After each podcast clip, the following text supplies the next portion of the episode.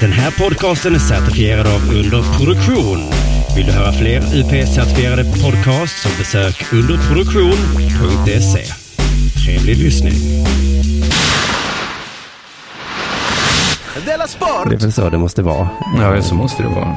Men man kanske inte vill spela in. Man kanske vill spela in, men så kanske man inte vill spela in. Liksom. Det är så himla svårt att um, föreställa sig när det behovet uppstår. Jag tror att det är många som användare som har hört av sig till eh, de här inspelningsprogrammen och sagt så. Du, hej välkommen till Dela Måns sportdel Dela Sport. Tack så mycket. Eh, Jag heter Simon Chippe Svensson och så hör du såklart K. Svensson eh, också. Mm? Så där du, eh, jag skulle bara innan vi börjar idag hinna peta in en liten reklamgrej för att ikväll så kan man lyssna på första sändningen av eh, radio under produktions. Vad är detta? Detta låter mer som infomercial än reklam tycker jag. Ja, infomercial kanske man kan kalla det för ikväll så kommer eh, utvalda under produktionskomiker kommentera matchen mellan Slovakien och England klockan sex tror jag det. Varför vet inte ens jag om det här? Ja, det här har gått så himla snabbt. Vi försökte ju göra detta förra året när det var gubb-EM. Vad, vad är gubb... Alltså för vuxna människor? Ja, just det, vuxna Ja. människor. Då höll vi på att chatta så här inför matcherna. Just det, det var väldigt eh, skojigt ju. För det var en sån rolig, rolig turnering också. Ja, och så diskuterade vi om vi skulle kunna lösa att eh, göra det så här via tal också. Men så var det så svårt eftersom vi aldrig var i, du och jag var inte i samma stad och Jonathan är Jonathan. Ja. Så det gick inte. Men så hörde jag att Anton Magnusson och Arman Reinsson hade haft den här idén nu. Så då sa jag, men då gör vi det då. Så ikväll, alltså att man kan liksom titta på tv-sändningen, Ja, slå av ljudet, sätta på ert ljud istället. just det. Men kom, kan- för jag minns att när, jag, när vi kommenterade så var inte jag i synk med er andra. Nej, nej, nej. Äh, Det, det skulle bli roligt. Det blir en liten form av testsändning ikväll. eh, Får vi se Det bästa är om ni tittar på samma sändning som eh, liksom, tittarna tittar på. Ja, men vi kommer kolla på tv, tv eh, i alla fall. Så alla som tittar på webb kanske, för jag fick ju ofta veta så, nu blir det straff. Nej, inget mål, skrek alla samtidigt som jag... Ja, det, om man tittar på webb-tv då är det dumt att samtidigt vara uppkopplad på det sättet. Ja, men jag tycker det här låter väldigt spännande. Just det, det här är en testsändning då. Och, eh, sen hoppas jag vi kommer eh, kommentera fler matcher under U21-EM. Och sen hoppas jag att den här då som man hittar på underproduktion.se live-radio. Mm. Att det, det kommer förhoppningsvis ut- utveckla sin egen liten radiokanal där. Men det är en liten dröm jag har bara. Får vi se hur det går. Det tycker jag låter som en alldeles strålande dröm ju. Ja, Det är, vilken man- fin dröm.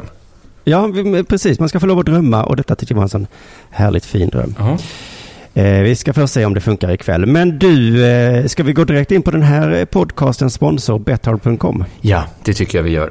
Eh, mitt bett på U21-landslaget mot England gick eh, åt helvete. Ja, vi hade samma betta Ja, och vad nära vi var ändå får man säga. Ja, men... Ja, 500 spänn ner i soptunnan där. Ja, Men jag bara, jag fick den här... Spelandet tar ju en genom olika faser liksom. Du har ju varit med om det här, du har varit med om skräcken för att, för att betta. Och liksom Ja. det här liksom, eh, lite uppblåsta självförtroendet man kan få när man, när man vinner. Och, och man liksom, det händer saker med en när man spelar. ja, Men nu känner jag bara, jag känner så här, nu har jag 1400 kronor kvar. ja, nu börjar det fan. Jag bara känner så här, nu har jag testat allt. Jag har spelat allsvenskan. Jag har bara spelat ettor. Jag har spelat kryss i alla matcher så att jag ska vinna från början.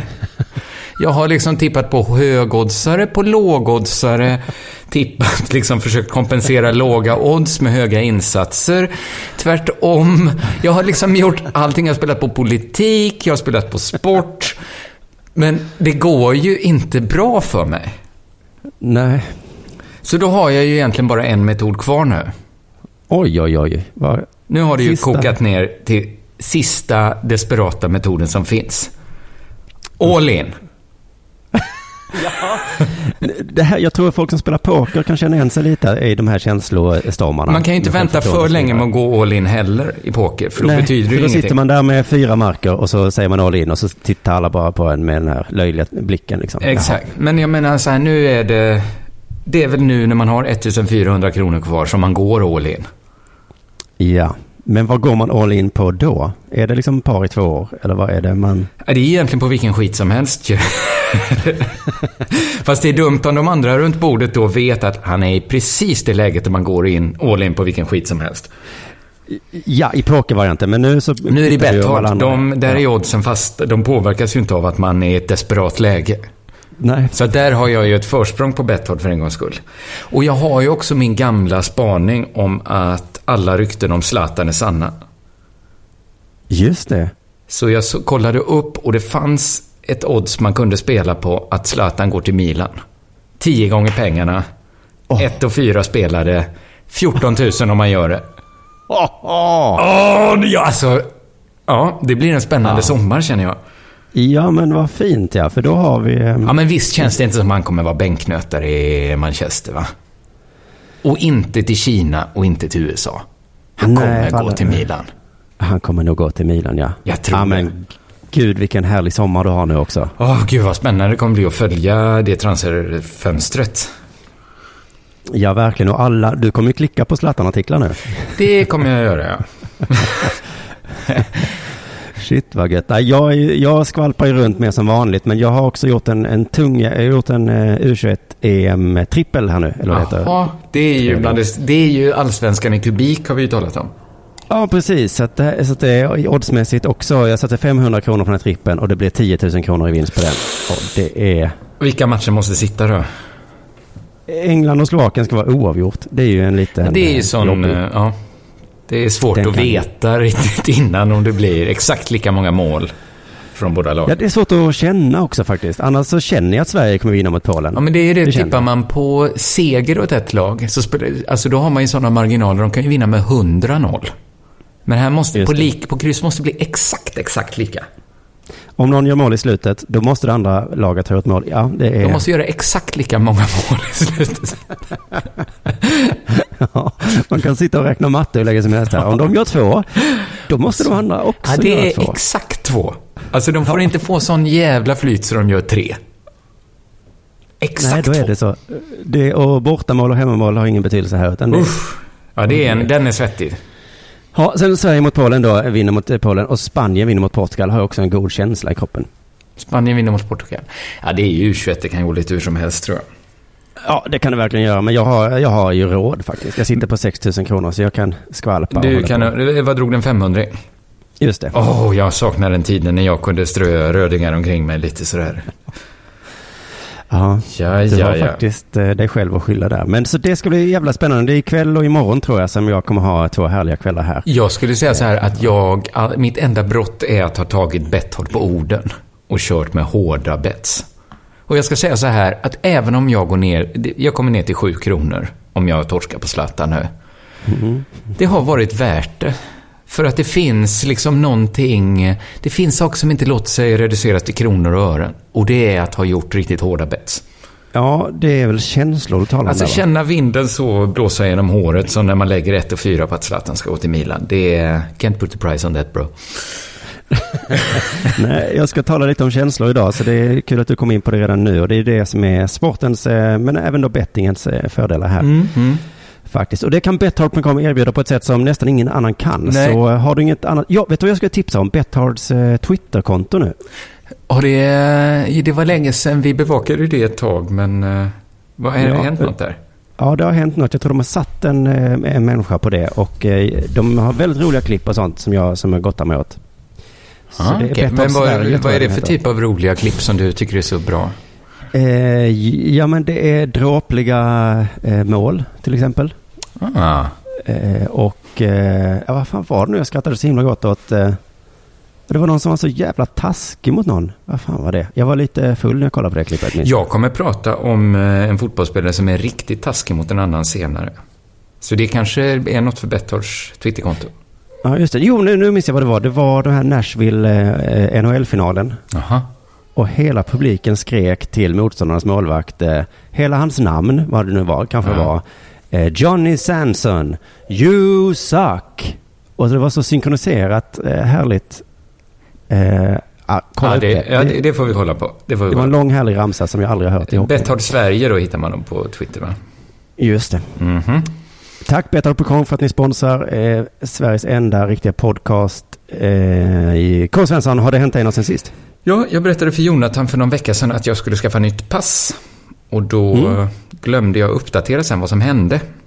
Vi Du skulle ju testa på olika sätt där i fototillfället. Ja, precis. Vi pratade om jag skulle ha ett sånt där, ett så kallat Lasse-leende. Ett sånt som Ja. Lasse Berghagen, Lasse Kroner och Lasse Holm brukar ha. Där man ser alla tänderna i överkäken.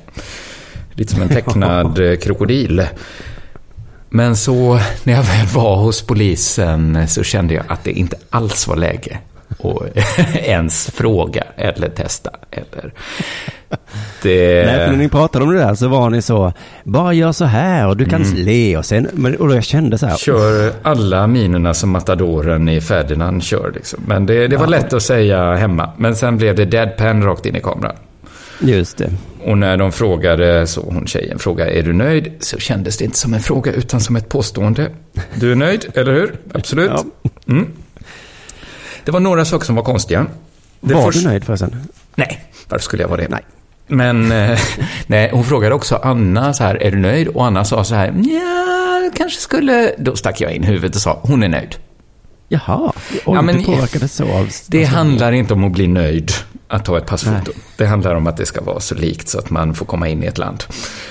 Ja, ni pratade ju om att man skulle gå till en fotograf och ta... Men eh, gjorde inte du det? Nej, det har jag aldrig gjort. Det tycker jag låter så himla Jag såg en serie bilder ligga ute på dig där du liksom viftade med öronen och hade alla möjliga konstiga miner. Ju, ja, men det var till ID-kortet ja, och det var ju, då satt jag med en sån automat på ett köpcentrum. Ja, då gick väl du och tog foton? Jo, men jag gick ju inte till en fotograf och sa, här får Nej, men du, gick, du hade bara kunnat pengar." gå till polisen. De har också en kamera. Nej, för att ID-kort skickar man in på brev. Det, det gör man inte hos polisen. Jag gör mitt ID-kort hos polisen. Jaha, man kan göra på olika sätt ja. Det finns mycket som är konstigt. Några eh, saker som var konstiga eh, hos polisen. Eh, det första var att vi hade bokat eh, tid eh, på internet då för fotoansökan. Mm. Ändå var vi tvungna att ta nummerlapp och sätta oss och vänta. Ja, Där kände jag, jag kände mig exakt som Seinfeld i den eh, scenen där han har reserverat en bil.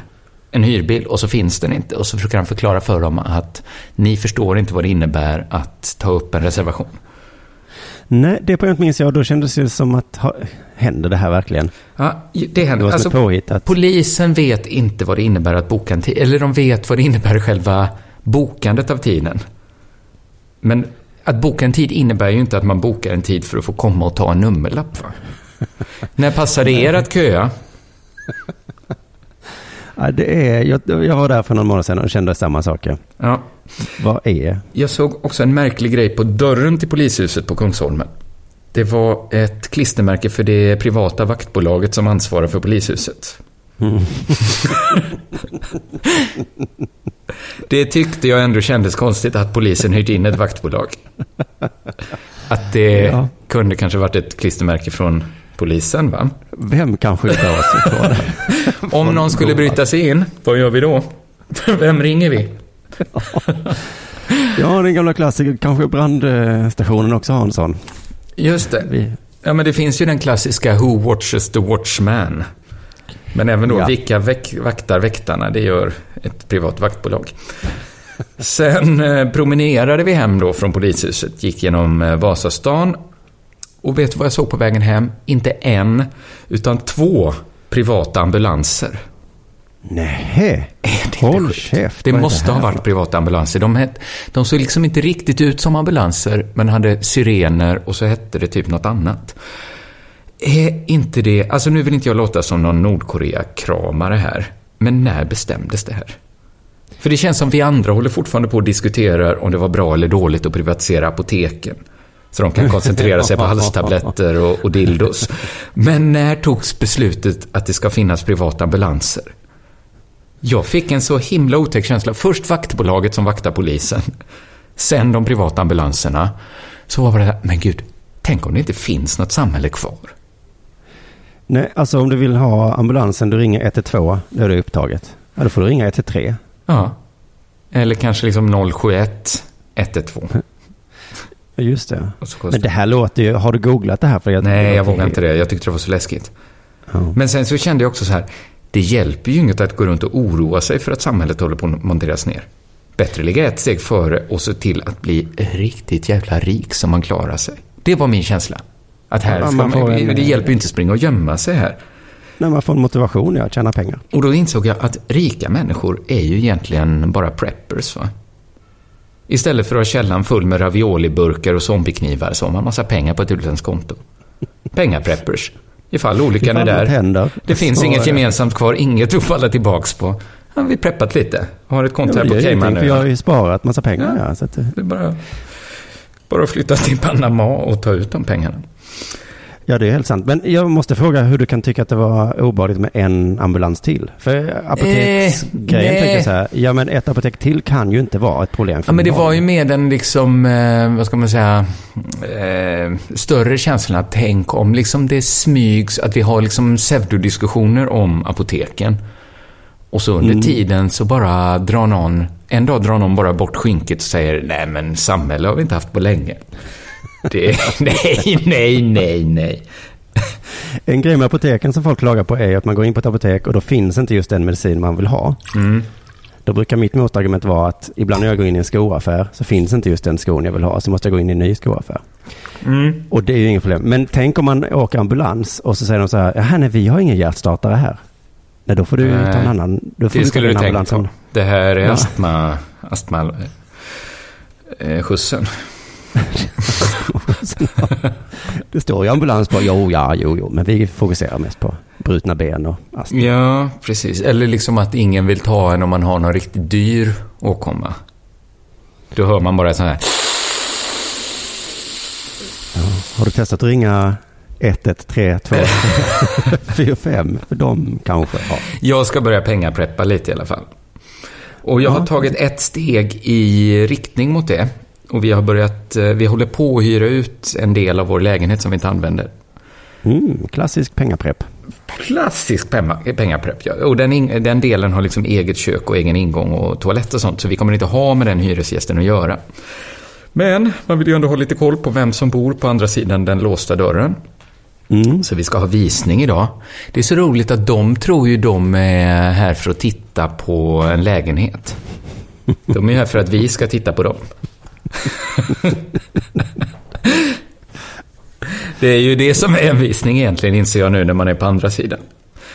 Och då valde vi ut eh, tre stycken som får komma och kolla. Eh, Jag ska inte prata så mycket om dem, men jag kan nämna några som inte fick komma. Det var de två 22-åriga tjejerna som skrev att de eh, pluggar och jobbar extra i klädaffärer. Eh, jaha. För de skrev att de var skötsamma och inte rökte. Och då kände jag så här, vem fan tror ni jag är? Jag vet att två tjejer som är 22 år gamla och jobbar i affär inte är det minsta skötsamma. Och framförallt vet jag att de röker. 22 år och jobbar extra i klädaffär, jag vet att de röker. Och det är helt okej om ni röker. Gör det inte i lägenheten bara. Men så, det är lögnen jag inte tolererar. Att de tror att du ska gå på den Att de lätta tror att jag gick på den lätte, ja. Så nu hoppas jag mycket på den kinesiska gästforskaren som behöver en övernattningslägenhet. Sorry girls!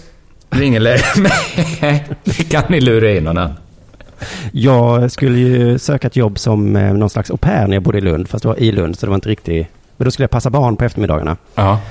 Och då eh, sa de, för jag fick det jobbet sen, och då sa de sen att det som var bra med mig, eller de hade haft någon annan där på besök, och då hade hon kommit med någon slags långa CV-papper. Aha. Men vänta, du fick var- jobb som au pair i Lund? Ja, i min hemstad. Liksom. I din hemstad? I, ja, för det, ja. Mm. Men anledningen jag fick det var att jag inte kom med sådana här långa CV-papper. För det tyckte Nej, de, nej, föräldrarna, nej. var lite töntigt. Liksom. Ja, för att det är ju ändå bara ett jobb som. Det borde ju vara det som står överst och ensamt på nästa CV. Det är lite av ett första jobb, va? Ja, så kan man ju säga. Men de tyckte det var lite väl ambitiöst. De tyckte jag var liksom lite skön som bara kom in där och började jonglera med Aha, bollar. ja, så att ja. deras barn tyckte att jag var häftig. För jag har ett exempel på motsatsen då, när jag säger emot mig. För att jag fick en lägenhet, min första bra lägenhet i Malmö fick jag genom att sätta in en annons på Blocket där jag skrev så här att jag är skötsam och röker inte. Och då sa han, eh, gubben som ägde hela hyreshuset, han sa det till mig att Ja, det var ju det att du skrev att du var skötsam. Ja, men då är ju han en idiot. jag, jag kände det också så här, för jag visste ju att jag inte var skötsam. Nej. Och jag vet ju att de här två tjejerna inte är det. Så jag hoppas på att, jag hoppas ju mest av allt att det blir någon som bara är där ibland. Nästan aldrig. Som Betthard-killarna var liksom, när vi hyrde ut Just dem. det. Det var ju Ja. perfekt. Sen, annan grej. Eh, jag har slutat med deodorant. Wow! Fy fan vad jag luktar illa Simon. Jaha. Mm. Jag tänkte Jo, att det skulle vara så när man slutar med schampo. Efter ett par dagar har håret vant sig och börjat tvätta sig själv. Eller liksom så, om man slutar med labello så, så uppfinner läpparna sitt eget fett. Men samma sak händer inte när man slutar med deodorant kan jag säga. Kroppen börjar inte tillverka sin egen väldoft. Det är nästan tvärtom faktiskt kan man säga. Man skulle ju kunna tänka sig att det kanske bara tar längre tid. Nej, eller ja, jag har bara gett det en vecka nu, men det är inget som talar för att kroppen börjar tillverka antiperspirant då, eller sån Nivea. Finns det något som talar för att du kommer börja med deodorant? Eh, ja, det är då den här hemska lukten jag sprider omkring mig som talar för det. Hur kom beslutet sig? Men det, var, det, vi, har- det är mycket nu innan vi ska åka till Frankrike, mycket snack om så här eh, solkrämer och sånt som man inte ska ha, säger Anna. Hon säger att hudcancer är en bluff, men att, eh, att det är massa skit i solkrämerna istället. Och då kom vi in också lite på deodoranter och jag kände så här, nej, nej, nej, nej, nej. Och jag kände framför allt, är det något man inte, är det någon cancerform jag absolut inte vill ha så är det väl ändå så här bröstcancer. Sen jag känner att man kan få om man smetar deodorant i armhålan. Jaha, Men nu börjar jag Vet du känna- vad? Du och Anna är både bra för varandra och inte bra för Ja. varandra. När ni har sådana här grejer för er alltså. Jag kanske börjar igen. Vi får se. Vi får se. Jag kanske, jag, jag kanske, nu under sommaren går jag runt i bar överkropp då för att inte förstöra mina kläder. Men får se. Jag kanske låter, jag väntar över sommaren och ser om kroppen börjar uppfinna egen sån 24 hours protection deo. Eller om, om jag ska börja istället. En sista grej. Eh, senast tog jag upp fenomenet att tala i mobil med högtalaren på och skrika in i mikrofonen. Så att man stör den allmänna ordningen. Fått lite reaktioner på det. Det verkar vara ett hyfsat spritt fenomen. Jag föreslog att det skulle vara en gubbgrej att göra. Men nu har jag fått in rapporter om att det även förekommer bland unga invandrarkillar. Så kanske är det som så mycket annat ett mansproblem. Ja, det är män i alla fall. Ja. Ja, vi- Vissa har föreslagit att det här beteendet går över alla gränser. Ålder, kultur och kön då, de gränser vi känner till. Men hittills har jag inte hört ett enda exempel på där könsgränsen överskrids. Så det skulle jag vara lite intresserad av då. Men det är det som hänt mig sen sist. Har det hänt dig någonting? Ja, ja, när jag hörde på Delamon när du och Jonathan pratade så hörde jag en kort historia tror jag om ditt eh, barn och så. Mm. Och så slog det mig att jag knappt hört några historier om det barnet i, i Delamon och det tyckte jag var tråkigt. Ja, jag har ju lite, jag har ju en annan podd som heter Det sista äktenskapet ihop med Anna där, där jag lägger mycket barnhistorier. Ja, ja, de hamnar... Men sen, jag ska också ärligt säga att hon... Alltså, det har inte hänt... Eh, hon utvecklas gradvis och inte fasvis nu, skulle jag säga. Nej. Men för jag kom på att jag inte berättat så mycket om mitt nya barn Nej, heller. det är faktiskt inte. Eh, och det är en, för jag funderar på, det, var, det är bara att det händer inte himla- Han är bara söt och sådär. Det är liksom inte så Ja. mycket... Nej, med vad ska det. han gör säga? där, han är som en sån reklambebis, håller på så. Gaga, da, gaga, gaga. Ja. Alltså jag känner också, alltså det är, det är nästan en parodi på en bebis. Det som saknas är en sån blöja med en jättestor säkerhetsnål i. Ja, så det glädjer mig såklart att det är så. Men jag hittar inte så mycket kul där. Men, men när jag var i Italien, i Rom då, då var det så jävla fräckt att gå runt med en bebis alltså. Det var som att gå runt med en kändis i famnen. Men eh, jag har hört, eh, jag ska ut en sväng till Italien också nu eh, och då eh, tog jag lite eh, råd från min eh, morbror som är Italienkännare och dessutom gift med en italienska. Och han eh, skrev att italienare är galna, dels i barn, är de tokiga i, men också framförallt i blonda barn. Alltså att de Ja, är ja. nästan magiska i Italien. Ja, alltså det var helt sinnessjukt. Alltså direkt när vi kom fram, eh, hoppade av flyget så satte man sig på en liten buss för att åka liksom till, eh, eh, ta ut sin väska. Ja. Då var det en eh, kille yngre än mig, började titta på barnet bara och, och gulla och höll på. ja. Så det var liksom direkt, och sen, alltså när vi gick omkring på gatorna i Rom, det var helt absurt. Man fick sånt jävla självförtroende också. Ja. Kände att mitt barn är fan det gulligaste i världen. Men har du testat, enda sättet att få samma grej i Sverige är ju att gå fram och tillbaks framför en tiggartant. Alltså Aha. de, romerna älskar barn. Romerska kvinnor. Ja. Alltså de älskar dem. De är som spaggar när det kommer till eh, bebisar. Alltså. Ja, ja, de är som italienarna. Ja. Men för att det var, alltså jag, jag njöt så mycket av detta. När vi skulle flyga hem då så lämnade man väskorna på band och sen så gick jag med bebisen genom de här metall. Och då liksom springer det fram en sån säkerhetsdam och bara börjar gulla, ta barnet ifrån mig. Det var lite skönt för då kunde jag fixa med väskorna. Men hon tittar ju inte alls på de här röntgen-tvn längre. Det var Bello baby, happy baby. Usch, det är tur att det bara är ensamma män i IS. Att de inte inser vilket vapen Ja. det är att ha ett blont barn med sig. Jag tänkte faktiskt på det den gången en terrorist började springa en bebis. Då, det, ja, vi kan inte prata om sånt. Usch. Nej, det kan vi inte ens göra. Det, men det, det, det kanske tyder på att de faktiskt har någon moral kvar fortfarande. Kanske. Eller bara att de, har lite, att de inte är familjefäder riktigt. Nej, just de det. inte De har inte något tillgång, barn. till- tillgång till bebisar på det sättet. Men sen här i Sverige så är det en helt vanlig eh, bebis. Så jag undrar lite vad det beror på då. Det kan vara att den är blond, men det kan vara att det inte finns bebisar i Italien. Men jag tror att det, det är lätt. Du kommer med din svenska blick och tänker att alla andra är ovanliga. Det är i Sverige det är alltså som är det ovanliga landet där vi behandlar bebisar som skit. Och liksom Jaha. inte reser oss för gravida kvinnor och sånt där. Anna har Ja, det. berättat om en kompis som liksom var gravid utomlands och blev liksom eh, buren på bår på, på flygplatsen. För att hon skulle liksom slippa gå. För de hade sån himla respekt för gravida kvinnor. Ja, men alltid när vi kommer utomlands så säger vi det här, det är så härligt. Men sen så ändrar vi ju inte på oss i Sverige. Nej. Utan här tittar jag, för jag känna igen det själv, att när jag är på kaféer så kan jag titta lite snett åt de här jävla barnvagnsmänniskorna. Som jag ju själv är nu. Ja, nej, jag kollar inte snett. Ja, men jag har nog gjort i mitt liv att jag bara så, oh, ja, jag har bebisar. Jag har nog aldrig varit sån så jag velat gå fram och gulla med någons bebis. Nej, det känns kanske lite sjukt. Aron Flam är ju en sån som gullar med eh, främmande människors barn. Ja, ja, ja. Jag har blivit lite sugen nu när jag själv har en ny bebis. Då har jag gått fram och gullat med någon. Mm. Men, men okej, så du tror att det är vi som är konstiga? För att jag tänkte det, antingen har de inte bebisar eller har de bara fula bebisar i Italien. Så de, De kanske himla- inte har blonda bebisar framförallt. Eller så är alla i Italien har en tickande biologisk klocka. Ja. Oavsett kön och ålder. Så går Ja. de runt och bara vill ha barn hela De tiden. vet ju att det är ju det, då får de flytta hemifrån. Att det betyder så mycket mer för dem att skaffa barn. Ja, ja, ja, det är... Vi har liksom smetat ut hela den eh, vuxengrejen liksom från mellan 15 och 35 någon gång. Kanske 45. Italienarna har så här, när man är 35 då flyttar man hemifrån och har ett eget barn. Ja, är man ingen alltså. liten kille längre som bor hemma hos mamma. Men det kan jag bara tipsa då till om, man är, om det är någon som lyssnar på detta som har barn som är liksom lite trött på att hela tiden bära. Ta en liten tur till Italien så Mm. kommer ni inte behöva bära ett barn om ni inte vill då. Utan det är bara att lämna det till precis vem Första bästa italienare så kan han... Och de kommer, om ni känner så här, mitt barn, är det sött egentligen eller är det? Åk till Italien så kommer det bli full med självförtroende att ni har det sötaste barnet i hela, hela världen. Så där då var det kanske dags för det här då.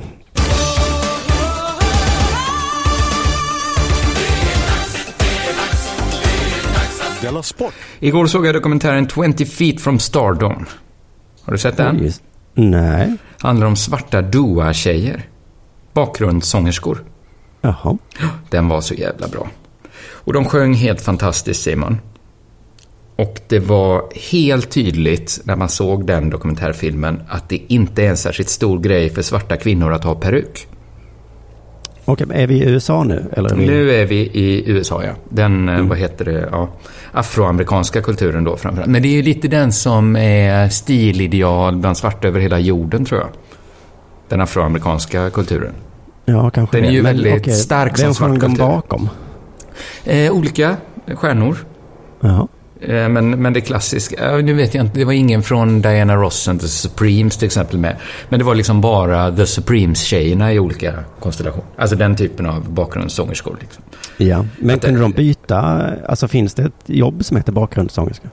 Det fanns väl mycket, det, det var lite caset också att sen tog man liksom bort bakgrundssångerskorna och då blev soundet mycket sämre.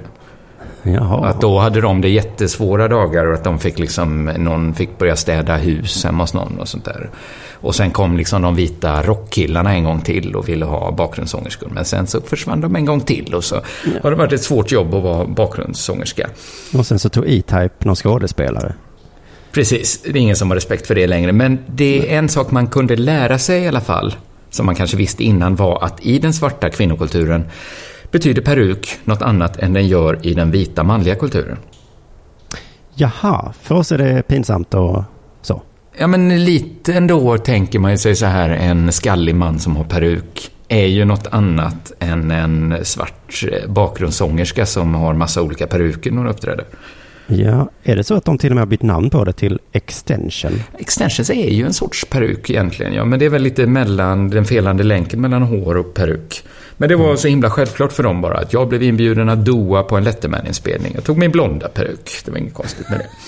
Det här är alltså inga överraskningar egentligen. Att svarta kvinnor har en annan kultur kring sitt hår än till exempel vita män. Eh, och även då vita män som jobbar som sportjournalister har en helt annan syn på vad det innebär att ha peruk på sig. Jag tänkte eh, på det här när jag läste en artikel i Sports Illustrated om den nigerianska längdhopperskan Blessing Okagbare som hoppade i Diamond League i Oslo. Den här artikeln var skriven mm. av Don Garthland. Super, ja. Supervit kille. Han skriver att det gick bra och det gick dåligt för Blessing i hennes första försök. Det bra var att hon hoppade 6,21 meter, en skön start. Det dåliga var att hon tappade sin peruk. Ja, ja. Usch vad pinsamt. Då trodde jag först att det var dåligt för att de skulle mäta hoppet från där peruken landade. Att det var sådana reglerna var. Tappar du peruken mäter vi fram till peruken. Hoppar ja. du i hög hatt så är det hatten som gäller. Att det, var liksom att alltså, de... det kan man tänka sig om längdhopp. De har sådana jävla fittiga regler. Alltså. Precis. Men det var liksom, hela grejen var bara att hon tappade peruken. Det var det artikeln handlade om. Att det Jaha. avslöjades att hon bar peruk. Eh, Don Garthland skriver här i min översättning. Och Okagbare var totalt obrydd. De flesta skulle ha varit förkrossade om de tappat sin peruk framför en stadion full av människor. Men inte Okagbare. Hon tog bara lugnt på sig peruken igen. Det är tydligt tycker jag här att Garthland inte fattar vad en peruk är i den svarta kvinnliga kulturen. Alltså inte samma sak som en människa som Darth Gartland. Om han hade liksom gått på stadion, det hade kommit en kastvind och slitit av hans peruk. Ja. Då hade han, alltså, och liksom visat att han var skallig. Han hade lugnt och stilla tagit på sig den igen. Han hade rodnat ända upp till det skalliga hårfästet. Ja, ja. För han är det liksom ett pinsamt handikappshjälpmedel. För Garthland är det typ jämförbart med att hon hade hoppat, tappat sin vuxenblöja och bara lugnt satt på sig den igen inför ett fullsatt stadion. Det är också lite svårt att veta om hon tyckte det var pinsamt. Ja, det är lite svårt att veta. Men jag tror att det mer var som att tappa en accessoar, ett halsband ja. eller något. Och ta på sig det igen, ingen biggie. Men det var lite på samma sätt som jag ville påminna om att det inte är självklart att man får ledigt för att man gifter sig. Va? Nej. Så vill jag också påminna nu om att ha en peruk är en sak för Blessing och Kagbare och en helt annan sak för Don Gathland. Just det, så att, att om en svart kvinna tappar sin peruk då kan man liksom lätt och ledigt bara börja Då säger man bara så här, eh, ursäkta mig, ursäkta ma'am, du tappar något, tappar något. Springa efter med den i handen. Här, du, du glömde. Man gör ingen sån, eh, genast måste man tysta ner det här och man skäms för hennes skull. Nej. Men om Doth Garthland tappar sin peruk, då är det en helt annan sak. ja, det är ju spännande. Det är, det är inte lätt att vara man. Nej, det är inte lätt att vara man och försöka orientera sig i den här mångkulturella världen. Nej, men tänk vad skönt det var att vara svart kvinna i den här världen du. Som man bara lätt kunde haft peruk utan att skämmas. Ja. Du, eh, du har, kör aldrig med peruk? Ja, jag har försökt med det, men jag har inte fått det fint riktigt. Det är den här Nej. gränsen mellan... Eh, men är du eh, fin spetsen. eller är du strange? Ja, eller är du F i queer-alfabetet också? vad är F för någonting? Fin. Jaha, fin ja. ja men du är lite sån att du vill vara fin. ja, ni vill vara queer. Ja, men jag vill vara fin. Och strange. Ja. ja, men det var ju någon i frukostklubben, tror jag det var, vår eh, moderna redaktion, som antydde att uh, strange och queer var lite samma sak. Eller liksom spexig och queer var samma sak, tror jag. Ah, ja, men du vill väl inte, du vill väl vara fin och strange? Ja, men precis. Mm. Det tycker det jag ska vara undertiteln till Tuff 2. Ja, men det kanske, där sitter det nog ja. Där kanske du ska, eller du kanske inte behöver skriva ut det, men det kan ju ligga i undertexten. Att Att din definition av tuff är när man är fin och strange. Står för det. Ja, jag gillar inte riktigt ordet strange tror jag faktiskt. Men om det är fin och strange. Det är fin, ja. Det är Ja, det är tufft att vara lite fin, tycker jag. ja men, Förr var det så töntigt att uh, vilja vara lite fin. Men det har gått och blivit tufft nu. så har det gått. Sport. Du, det diskuteras ju målkameror i fotboll eh, hela tiden. Fortfarande. Varför sätter de Ja. inte bara upp dem? Vad, är, vad skulle möjligtvis kunna vara nackdelen med målkameran?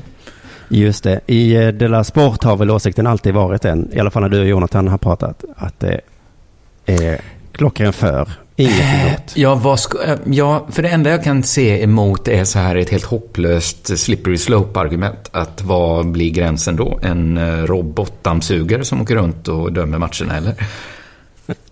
Ja, men kanske är det en liten tackling som måste videogranskas. Är det en Ja, liten... men eh, varför inte dra gränsen vid mål? Och offside. Okej, jag baktalar mig själv direkt. ja, men offside vid mål i alla fall. Ja, Eh, då. Men precis, vad kan vara negativt för det här? För det är ju man inför, eh, eh, fotboll har ju den negativa biten att ibland är det lite orättvist. Mm. Och då eh, löser vi det med en kamera. Eh, och det testas ju nu i den här Confederations Cup som går i Ryssland. men det testas alltid. Snart Ja. måste de ha testat. för De, de skulle kunna testa det här på en träning, va? Är kameran på, så sätter man på den. Ja. Har vi testat det? Filmar den, filmar den mållinjen? Perfekt. Är sladden ikopplad till skärmen så att vi ser? Bra. Var går gränsen för test är ju fan frågan. För att de gör ju det nu. De gör ju det, ja. Ja. De som kallar det är vår- test. Detta är Ja, som nyspråk. vår livesändning ikväll inför U21 EM. Det är inget kommentera. test. Det är som Nej. alla komiker som åker ut på så här. Det här är bara en testföreställning, va? Eh, Vad menar du? Test? jag testar mina skämt. Men, du drar du dem också? Ja, jag drar dem naturligtvis, men det är mer som ett test. Om det Och går du att dra drar dem. dem precis som du kommer göra sen. kommer jag göra, ja. Exakt. Och målet är att vi ska skratta alldeles. Just det. Och om vi inte skrattar då är det för att det var test. Då var det för att det var test. Men sen när du kör det till hösten då är det, Då är det på riktigt. det, ja det är väldigt konstigt. Men det testas nu i alla fall. Och då blev ju ett mål bortdömt här. Ah. På grund av en kamera. Eh, Är det ett historiskt första mål som blivit bortdömt? Ja men det kanske är det att det, det här är ju en inte jätteviktig turnering. Det är bara en turnering då. Så nu kanske det är det första riktiga målet som döms bort. Ja. Och i Aftonbladet hittade jag en krönika av Patrik Bränning som då tycker det är dåligt. Nu ska det bli mycket intressant att höra motargumenten mot det här. Exakt. Eh, jag var också väldigt nyfiken för jag, eh, jag har inte hört de här så, så noga innan. Då börjar jag så här. Det jag älskar allra mest med fotboll är känslorna. De översvallande, oreserverade och omedelbara känslorna. Mhm. Här är jag med honom. Eh, ja, ja. Jag tycker sport är en jättebra genväg till att få de här känslorna som är lite svåra att få annars. Mm. Vi var inne på det i förra avsnittet att man kanske tvingas eh, gå på rave mitt i Men natten även i Köpenhamns då- förorter för att nå de här känslorna. Jo, precis. Men även känslan av så här ilska över ett felaktigt dömt mål. Ja, de Mm. omedelbara känslorna. Det är både positiva och negativa. Man kan ju försöka skaffa barn till exempel. Men det är ju eh, det är jobbigt bara för att uppnå en känsla. Det är lättare Men redan när man släppt in ett mål så blir man ju ledsen om ens lag släppt in ett mål. Mm. Om man sen också då ser att det var totalt orättvist och bollen var inte ens över mållinjen. Ja, i och för sig, man får ju mer känslor då, ja. Man blir också arg och känner sig makt... Ja, det blir mer känslor. Men det är inte det han är ute efter här, utan det kommer här nu. Målvrålet när en boll ligger i nätmaskorna. Kramarna bland främmande människorna, människor. Tårarna hos annars emotionellt reserverade individer. Mhm. Här vet jag, jag älskar inte tårar så mycket, men okej, om de kommer från emotionellt reserverade individer, Ja. då är det väl. Jo, jo. Människor som har väldigt svårt kontakt med sina känslor helt plötsligt gråter de. När jag ser eh, Sverige göra mål så tittar jag mig omkring. Nej men där borta står ju en emotionellt reserverad individ och gråter. Och gråter. Det är ju därför jag älskar fotboll. Ja. För att, sen ibland när det inte händer, då blir man lite så här, "Ah, det var ju synd. Men ja, det blev mål i alla fall. Men, eh, ja. Mm. Eller har du något Nej, nej, nej, jag blir sugen på att höra fortsättningen. Mm. Det finns många fördelar med videotekniken, men också ett gigantiskt hot som gör att jag inte kan känna annat än motstånd mot den. Den riskerar just känslorna. Alltså. Och då blir man liksom, vad menar du nu? Känslorna finns väl kvar? Men då beskriver han här. Här är ett exempel på hur känslorna påverkas då. Eduardo Vargas gjorde 1-0 för Chile mot Kamerun i Mm. Confederations Cup. Vargas jublade. Laget jublade. Ja. Förbundskaptenen Pizzi jublade. Ja. Fansen gungade på läktaren. Först sedan målvrådet lagt sig och spikern till och med annonserat målskytten så kom beskedet från videorummet. Bortdömt. Mm. Det var exakt det här argumentet jag tänkte att han skulle hala fram. Men visst är de allra, allra flesta målen i fotboll är ju inte som eh, i hockey liksom. Det är ju alltid solklart. Nästan, nästan alltid. Ja. Och när det inte är det så brukar jag titta på domaren eh, och så innan jag börjar jubla. Eh, så att jag inte ska jubla fel. Men jag tycker att detta på, alltså, om man ska, alltså tänk någon som eh, bantar va? Mm. Och så har den en våg som alltid visar fel. Ja. Så går den upp och ställer sig och ser att den gått ner liksom 25 kilo och blir superduperglad. Ja. Då är det som att han som skrivit den här artikeln inte tycker att man ska laga den vågen. Nej. Eller säga till liksom att... Eller, eller säga till sen ja. Om man har köpt en fin eh, byxa och känner Ja. sig så jävla snygg. Ja. Och så kommer någon och säger det är ingen snygg byxa. Det ska man inte säga. Ska man inte säga det? Nej, men man kanske får ett sms. Man blir jätteglad. Någon hör av sig, äntligen. Mm. Och så visar det sig vara ett reklam-sms. Ah, då blir Ah. liksom den här gladkänslan. Det är det liksom, någon som skickat fel, då ska den människan inte säga det. nej, just det. Vill du För- komma på fest ikväll? Ja! Och sen får man, Oh. jaha, förlåt. Det här var inte till dig. Det var, Det ska man inte säga då. Nej, nej det ska man väl inte heller. Då får man ta tjuren man, får en, man får en dickpic. Hurra! Och sen, nej, nej, nej. Det Nej, här var skulle... skulle till min flickvän. Nåja. Patrik fortsätter här. eh, Det här blir knepigt för mig. Mm. mm. Min oro är att framtida fotbollsmål kommer följas av ett reserverat och ängsligt jubel i väntan på en bekräftelse. Så att det blir mål. Alla skriker ja. Eh, vi får kolla med... Förbundskaptenen Pizzi jublar lite osäkert. Han springer fram och tillbaka fast med liksom en... Men så- menar han att så många mål är felaktigt dömda i fotbollen? Så att det skulle ofta uppstå den här situationen? För i så fall är väl det ett argument för målkameror? Ja, det är det ju samtidigt. Men den här omedelbara, liksom, eh, just det som man beskriver, den bekräftelsen, när bekräftelsen väl kommer har den omedelbara känsloströmmen redan ebbat ut. Och då blir det ett annat slags måljubel. Att nu, alltså det blir ungefär samma jubel som när man fått en straff. Att nu är chansen stor att det blir mål. Vi ska bara kolla Ja. med kon- Jag tror inte det här kommer att hända med fotbollen. Nej, alltså jag har ju sett det här hända i hockey. Eh, men det blir mål och sen något så annat. sitter alla i flera minuter och väntar och sen säger de ja mål. Då är ju Mhm. det måljublet inte så starkt liksom. Nej, men hockey är, alltså det, blir, det är ju alltså, mindre solklara mål i hockey ändå. Eftersom, Mm. det får man väl ändå säga. De flesta, Men- är, alltså man ser ju bollen rassla i nätet. Det är Ja, ju men- nästan aldrig någon snack i fotboll var den över linjen. Men den här fina käns- eh, glädjekänslan som inte går att kontrollera, den försvinner. I de här få fallen då ja. Så kommer den gå att kontrollera. För folk kommer hinna tänka, och nu kontrollrummet. Ja, just det. Ja. Och det låter ju lite hemskt att känslorna eh, uteblir. Och, och Patrik förstår ju det här som, som vi är inne på, att det är mer rättvist med kameror. Mm. Mm. Men han har hittat på ett argument mot rättvisa. Är det det att i det långa loppet jämnar det ut sig? Nej, det är Nej. ett så jävla fint argument. Han Ja. skriver så här. Allt behöver inte vara så förbannat rättvist heller. Låt oss känna istället. Det Men blir ju- inte fotboll liksom skridskodans då? Att det blir en bedömningssport?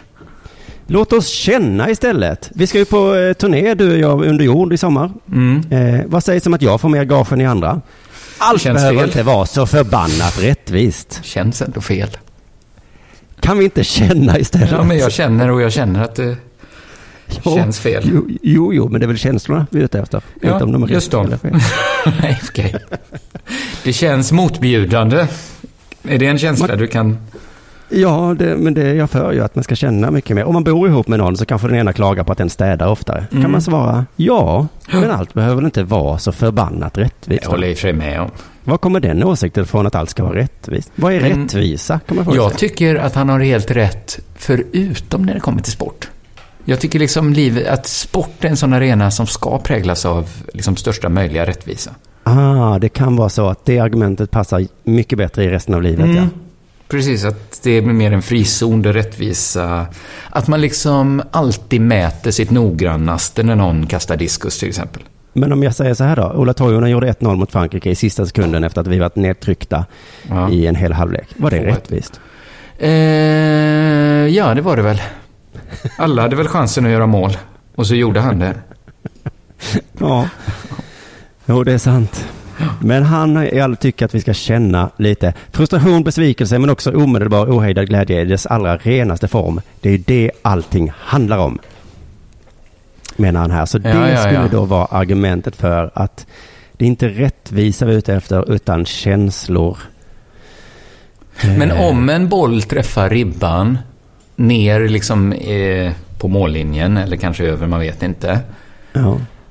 På vilket sätt, alltså då kommer väl, då är väl fortfarande käns- den direkta känslan hotad och alla tittar nervöst mot domaren som istället för, eller liksom bara den extra tiden han är skeptisk mot. ja, men jag tror att han För ibland efter springer ju domaren ut och, och liksom konfererar med linjemannen och så. Var han verkligen över? Vad är, det. vad är skillnaden egentligen? Att det Nej, inte väl blev det man inspelat på band? Fria eller fälla. Man ska fria oftare än man fäller. Så att om man det ska sätter ett magiskt inslag egentligen i upp i fotbollen. krysset, man liksom bicykletar den upp i krysset och så går den inte riktigt in. Mm. Så säger domaren, jo, det är mål. Det, För att vi måste låta känslorna. men då kan man ju också... Ja. Men då, då, då kanske man egentligen borde låta domarna ha större utrymme för mer godtycke. Att de ibland säger så här... Eh, ibland bestämmer domaren att eh, tre, fem hörn är straff. Nu har ni haft fem hörn, det blir straff nu. Vi kör. Det känns som att ni har... någon, men det är väl inte rättvist, så är inte reglerna. Nej, Ja, men det blir mer rättvist så. Allt behöver inte vara så himla rättvist. Han den här som hoppar eh, backhoppning från eh, England, eller vad han var, vad hette han? Eagle. Eddie Eagle, ja. Man hade sagt så han vann. Men det var väl inte rättvist, han, Nej. han trillade ju bara. ja jo, men allt behöver inte vara så rättvist. Vi kan väl eh, vi, känna vi sträckte inte ut måttbandet när vi mätte hans. Det låg och Vi ringlade kan väl sig. känna, det är ju det som är poängen med idrott. Jag läste en artikel som fick mig att fatta hur rå fotbollen är i de lägre divisionerna i Argentina. Jaha, ja. Det är ju en del av idrottsvärlden man inte har så bra kontakt med. Jag har ju förstått det som att de inhemska ligorna i Sydamerika är väldigt märkliga. Vad menar du med märklig? Ja, men... Eh, att de, de... Jag vet inte hur jag ska säga det, men sjuka liksom. Dude. Ja, men eh, de bästa spelarna är väl inte kvar. Ah, De går nej. väl till Europa. Ja. Och sen så är det liksom en annan sorts fotbollskultur. Jag vet inte hur jag ska säga det utan att det låter rasistiskt. Jag låter historien tala för sig själv. Ja, När så, så får du göra mig till rasist istället. Division 4, ja men tycker du det här låter svenskt det här beteendet då? om du, du föreställer dig ett svenskt division 4-lag medan jag berättar om det här då. Division 4-laget Sportklubb Pacifico som skrällde hemma mot Estudiantes och vann med 3-2. Mm. Mm. Hittills inga konstigheter. Nej. Eh, Pacifico, mittbacken Federico Allende, hade med sig en nål på planen som han hotade att sticka Estudiantes stjärna Oterio med.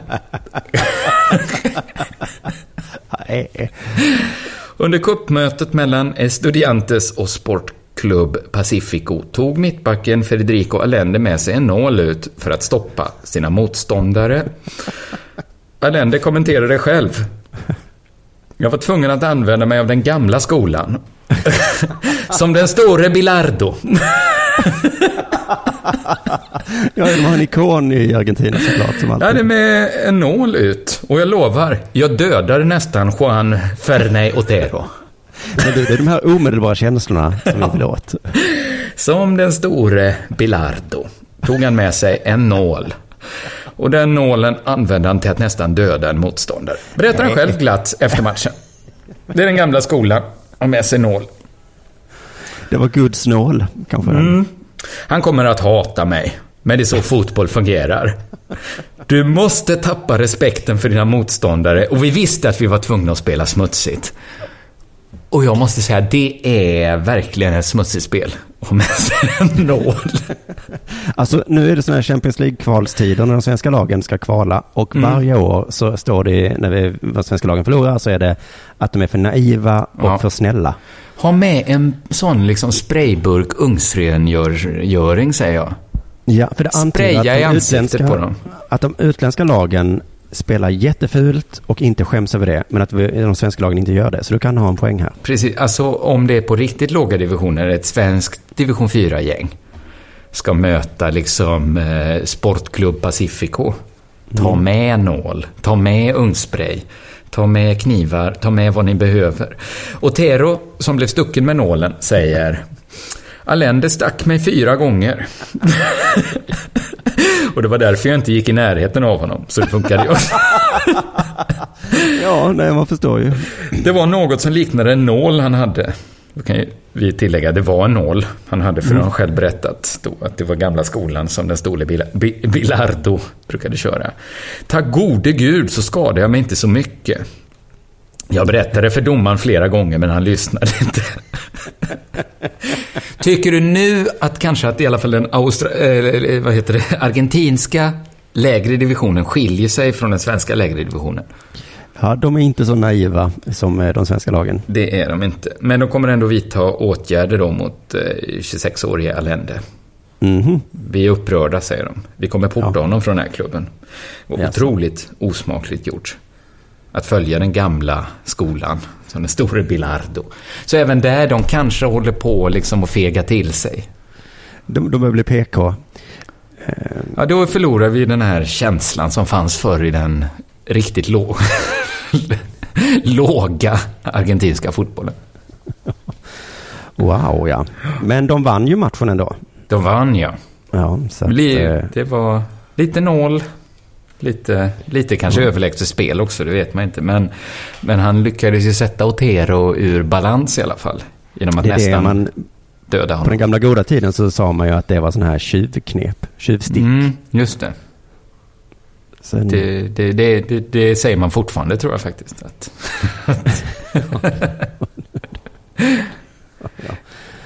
Eller eh, anses det vara värre? Det är inget pojkstreck. Det är ett tjuvknep. Tjuvnyp kanske. Ja, det är tjuvnyp. Men tänk, alltså man får vara glad för Messi att han fick åka till Europa tidigt. För han skulle inte kunna klara av att Nej. spela Nej. i dem där. Vad gött det måste vara, alltså för de eh, sydamerikanska spelarna när de kommer till Europa. Att ingen sticker dem med en nål. Alltså att någon drar lite i tröjan, det måste ju vara himmelriket för dem. Bara, Vad gör du? Dra mig i tröjan. Varför liksom hugger du mig inte med en sax i ryggen? Nej men särskilt kan jag tänka mig till Argentina så är det de som är jättebra på att dribbla. De håller inte på så mycket, men det är de som inte kan dribbla där. De måste ju hålla på. Det är väl lite som i NHL, liksom att det finns eh, busar. Ja, och sen kommer de till Europa och de bara kan dribbla hur mycket som helst. Det är bara en Varför- tröjdragning. Ja, Varför hotar ingen mig med pistol när jag gör så här? Varför fick jag göra en tvåfotare? Och så kommer de och är så jävla bra i Europa. Ja, men det är som att de stått och kastat en tung medicinboll till varandra, dribblarna i Sydamerika. Ja, Och sen när de kommer till Europa, så här, ta en basketboll. Och de kan hysta den. ja precis. Det är en sån myt om att de tränar med tennisbollar och så. Men det gör de säkert inte. De tränar med fotbollar. Det är bara det Men att samtidigt som de dribblar så står någon och hugger dem. Och därför måste de bli så jävla snabba på att dribbla.